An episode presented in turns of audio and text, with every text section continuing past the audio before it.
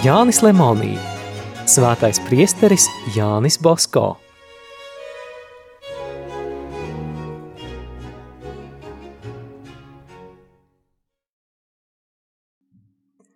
Pusdienas bija lieliskas. Baznīcas akadēmijas rektors doktors Viljams Audasī bija sagādājis viru un pirmo ēdienu, bet priesteris Ansel metīja augļus un vīnu. Pēc pusdienām priesteris Boskā bērniem pastāstīja, ka šo baziliku cēlis Piemontas karalis Viktors Amadeo II pateicībā visvētākajai jaunavai Marijai par Turīnas izglābšanu 1706. gadā. Tāpat tik vienam kristietim jāpateicas Dievmātei, un savā sirdī jāceļ viņai skaista baznīca ar likumisku dzīvi. Mācība bija tik skaista, ka to vēl pēc vairākiem gadiem atcerējās ne tikai oratorijas bērni, bet pat akadēmijas profesori. Pēc mācības Bosko ar bērniem nodziedāja Tantum Ergo. Piemontā bērnu koris toreiz bija jaunums. Akadēmijas rektors nespēja vien beigt noklausīties maigajās bērnu balsīs. Oratorija auga arī pļavā.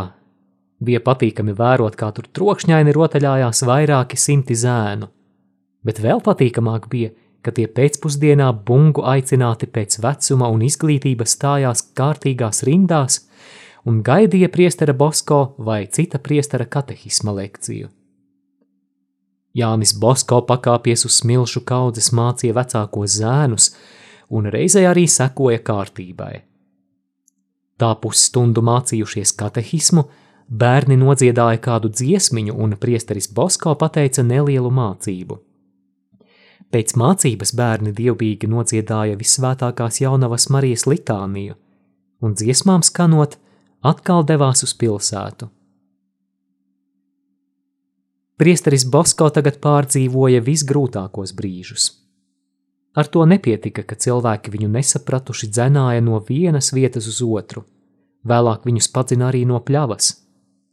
Par viņu tenkoja, sakot, ka lūk, priesteris Bosko sagatavo zēnus ļauniem un tumšiem mērķiem, varot rasties sazvērestība un pirmajā izdevīgajā brīdī revolūcija.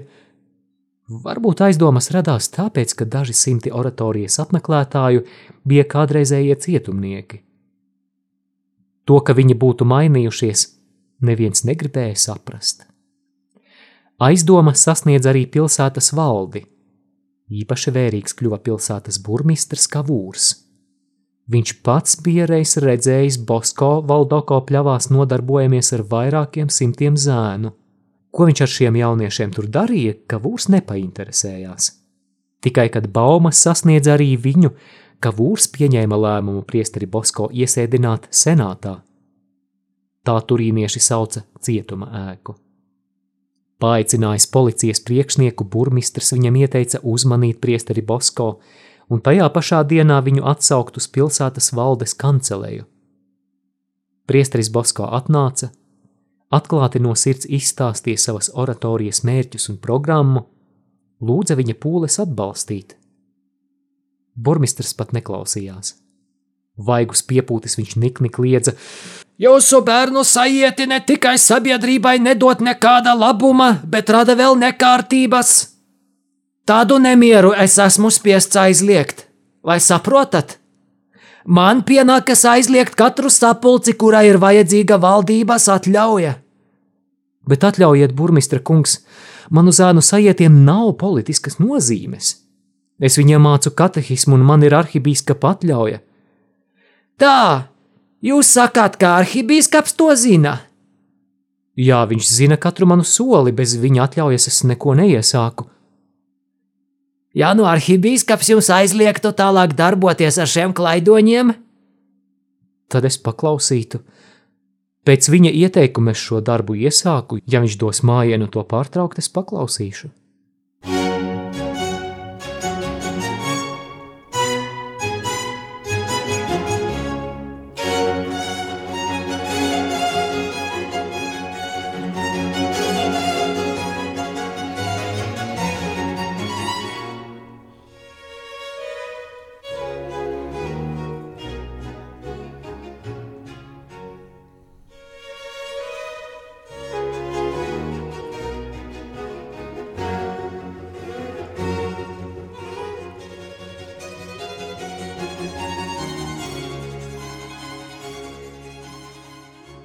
Pārnācis mājās, Bosko atrada vēstuli no Filipo.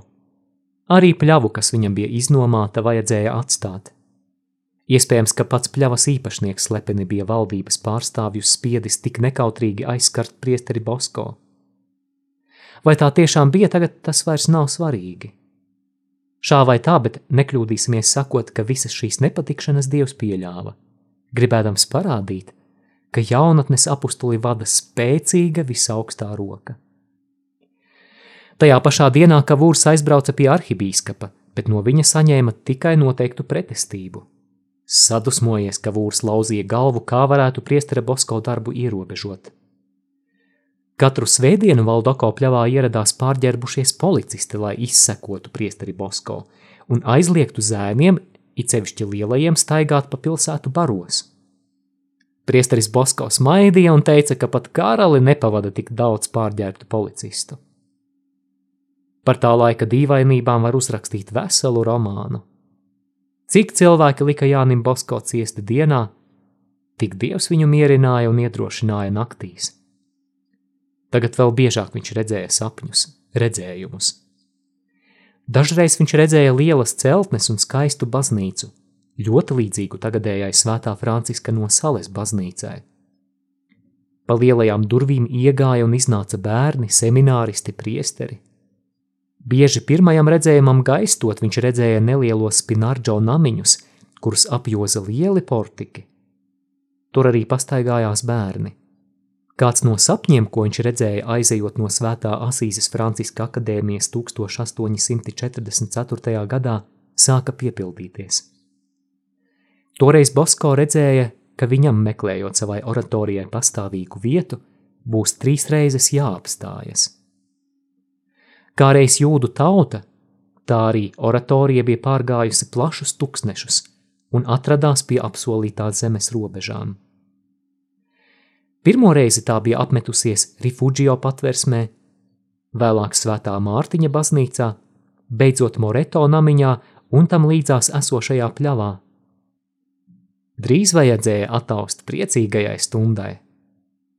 Neveiksmi un izsmiekla izbijušies, Jāni Bosko sāk atstāt pat uzticamākie draugi. Dažs labs pat mēģināja viņam iestāstīt, lai pārtrauc oratorijas darbu, jo citādi pretinieki to vienalga noslāpēs. Tā nespēšot pastāvēt. Bet priesteris Bosko atteica, ka viņš nebīstas un jau redz visu oratorijai vajadzīgo – ērtas mājas, plašus laukus un lielu baznīcu. Tādus vārdus viņš pasacīja arī priesterim Borelo – Pienācis pie Bosko, tas vēl viņu noskūpstīja un šņukstēdams strauji aizsteidzās. Jaunatnes apustulis bija visu atstāts. Tiešām, savādi likās priestera Bosko vārdi tiem, kas nezināja, ka viņš tā runā tāpēc, ka viņam ir pārdabisks aizbildnis. Saviem sapņiem viņš pats sākumā maz ticēja, bet reiz viņš par to jautāja priestera Kafaso spriedumu. Es saku, ka ar mierīgu sirdsapziņu tu vari šiem sapņiem ticēt, jo te ir redzama dieva apredzība un dvēseļu pestīšanas darbs, viņš sacīja. Kad aizgāja priesteris Borelo, visa Turīna sāka runāt, ka priesteris Bosko saslimis. Līdzjutējiem sāpēja sirds, citi smējās, viens otrs priecājās, bet visi bez izņēmuma viņu pameta. Daži ievērojami priesteri bija par viņu patiesi norūpējušies un nosprieda aizvest uz ārprātīgo namu. Viņi sarunāja ar slimnīcas vadītāju, samaksāja par labāku vietu un pilnvaroja divus mums jau zināmos priesterus Poncatī un Nacī viņu tur kaut kā aizvilināt. Ratos ar aizslēdzamām durvīm viņi atbrauca uz Rifugio un pieklauvēja pie priestera Bosko durvīm – Viņi paskaidroja, ka esot atbraukuši palūkoties, kā viņš jūtas un kā veicoties darbs oratorijā. Priesteris Bosko tūliņ jūta, ka te kaut kas slēpjas un tikko atturējās, lai skaļi neiesmietos. Tomēr viņš savaldījās un vēroja, kas notiks tālāk. Vēl brītiņu parunājušies, abi priesteri viņu aicināja sev līdzi izbraukumā. Priesteris Bosko skaidri saprata, ko ar viņu grib darīt, bet izlikās neko nesaprotam. Visi reizē viņi devās lejā pa kāpnēm, Rati piebrauca pie pašām durvīm. Priesteri paskaidroja, ka braukšana ilgs īsu brīdi, un drīz viņi būšot jau aiz pilsētas, kur varēšot paelpot svaigu gaisu. Lūdzam, iekāpt, abi reizē aicināja Jāni Bosko. Nē, paldies par daudz goda. Būtu pavisam nepieklājīgi likt laipnajiem viesiem palikt aizmugurē. Tad abi neko neiebilstami arī iekāpa. Priesteris Bosko aizcirta durtiņas un uzsauca vedējam tieši uz psihiatrisko slimnīcu. Vedējs, kā viņam pavēlēts, uzsita zirgiem un pat nedomāja apturēt. Pēc dažām minūtēm rati jau atradās psihiatriskā slimnīcas pagalmā. Tūliņ sargs atvēra durvis un divi sanitāri steidzās pie ratiem. Te nu bija, viens no sanitāriem iesaucās. Mums teica, ka atvedīs vienu, bet atvesti divi. Prāvesti protestēja, ka viņi neviens ne otrs nesot jukuši, bet abi esot piemānīti. Kā jau parasts kalpotāji tādiem viesu paskaidrojumiem nepievērsa ne mazākās uzmanības. Viņi tos aizveda uz otro stāvu. Ieslodzīti ērtā istabā viņi lūdza pasaukt ārstu, bet ārsta nebija mājās. Tad viņi jautāja, vai te esot kapelāns. Viņiem atteica, ka tas ēdot pusdienas. Arī pacientiem vajadzēja ēst pusdienas. Tikai pēc kādas stundas atnāca slimnīcas kapelāns un atlaida atsūtītos mājās.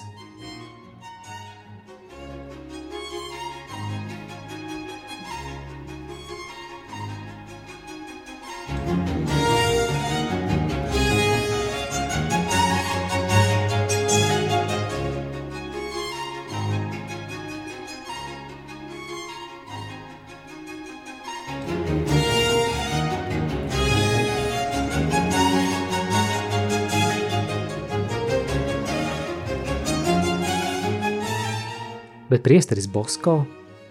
Viņš droši vien paļaudamies uz Dievu cerēja, ka viņa pretiniekiem apniks izplatīt par viņu neglītus izdomājumus, un viņš turpināja strādāt savu darbu. Tikai priesteris Kafaso viņam palīdzēja, cik vien spēja. Kad atkal kāds sāka nenovīdīgi runāt par priesteri Bosko, viņš pat neklausījās. Lieciet viņu mierā, viņš sacīja. Vēlāk paši redzēsiet. Priesteris Borelo arvien vēl turējās sānis. Jānim Basko bija viņa žēl. Reiz to saticis, viņš pastāstīja, ka sapnī visvētākā jaunava parādījusi, ka Valdoko pļavās tiks dibināta liela svētdienas oratorija un jauna kongregācija. Turīnā domas sāka dalīties. Daži apgalvoja, ka priesteris Bosko esot neparasts svētais, citi, ka līdz šim vēl neredzēts ārprātis. Tomēr 400 bērnu šīs valodas pavisam neinteresēja. Tiem priesteris Bosko bija tēvs un vislielākais labdaris. Bērni klausīja katram viņa mājienam. Pienāca pupola svētdiena, 1848. gada 5. aprīlis, pēdējā diena Filipo pļavā. Liekas, visā mūžā Jānim Bosko nav bijis sāpīgākas dienas par to – Vakars nebija tālu. Viņam vajadzēja bērniem pasakīt, kur tiem sapulcēties nākošajā svētdienā, bet nebija ko teikt. Ko darīt, viņš jautāja pats sev, lauzīja galvu un rija karstu asaru malkus. Te viņam radās doma izmēģināt, ko spēja bērnu lūkšanas. Viņa oratorijā bija īsti nevainīgi eņģelīši –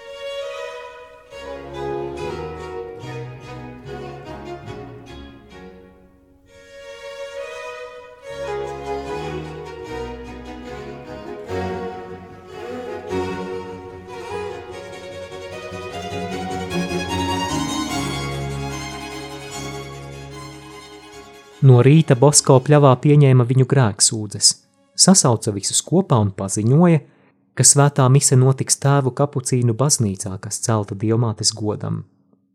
Viņš aicināja visus dedzīgi lūgt visvētāko jaunavu, lai tā pavisam drīz dāvātu viņam ļoti vajadzīgu žēlastību.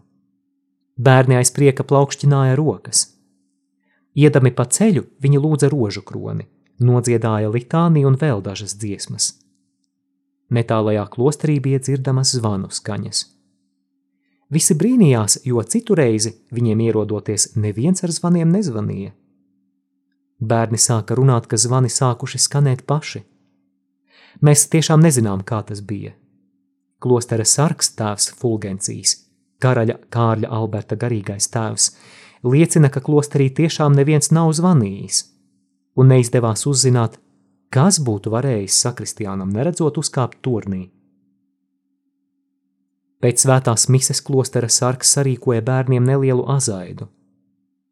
Priesteris Bosko sacīja runu un salīdzināja bērnus ar maziem putniņiem, ko nežēlīga roka izmetusi no siltas līgstas.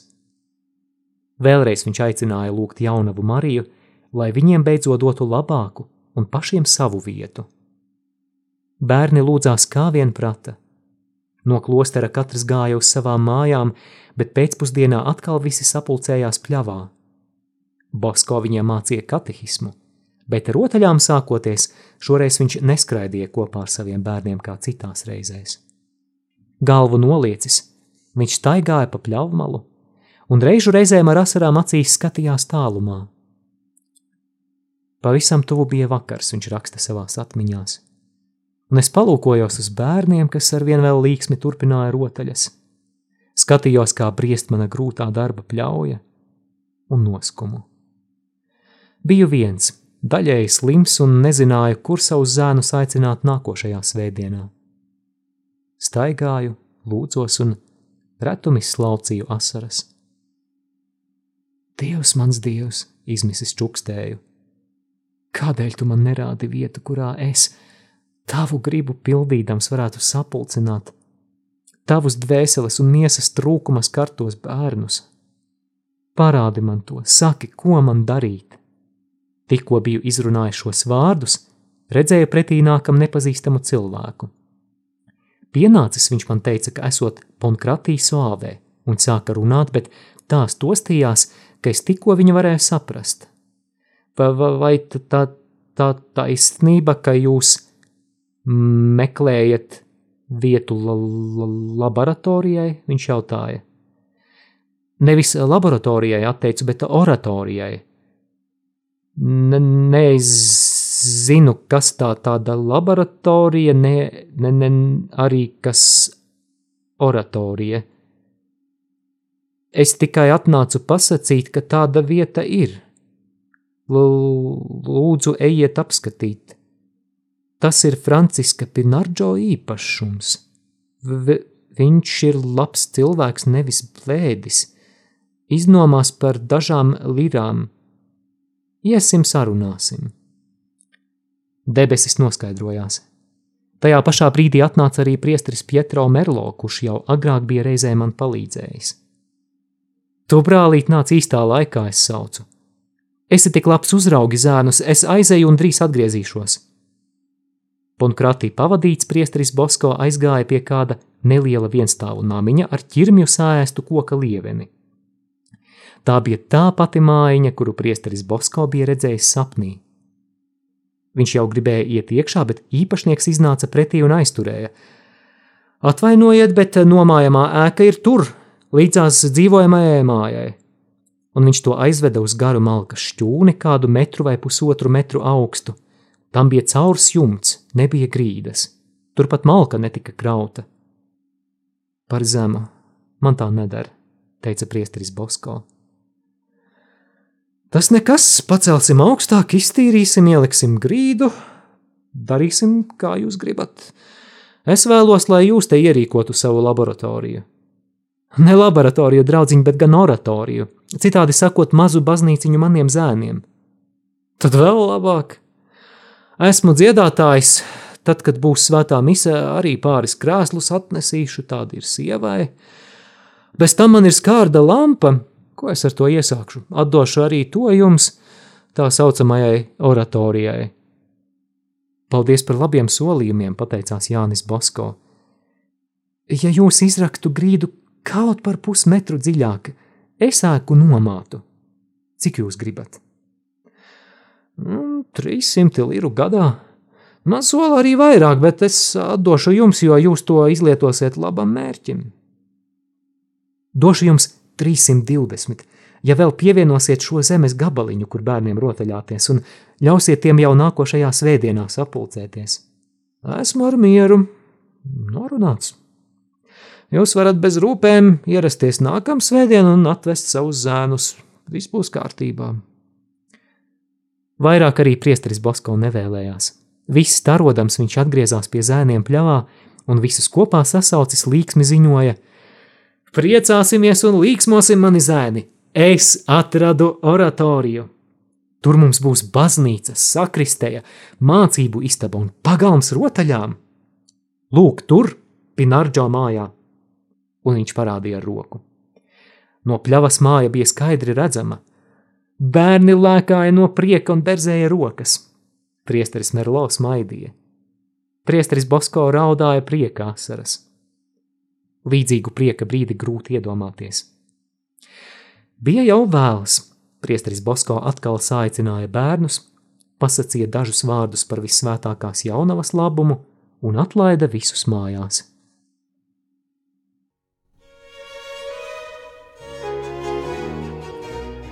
Izskanēja lasījums no Jāņa Lemonija grāmatas Svētais priesteris Jānis Bosko.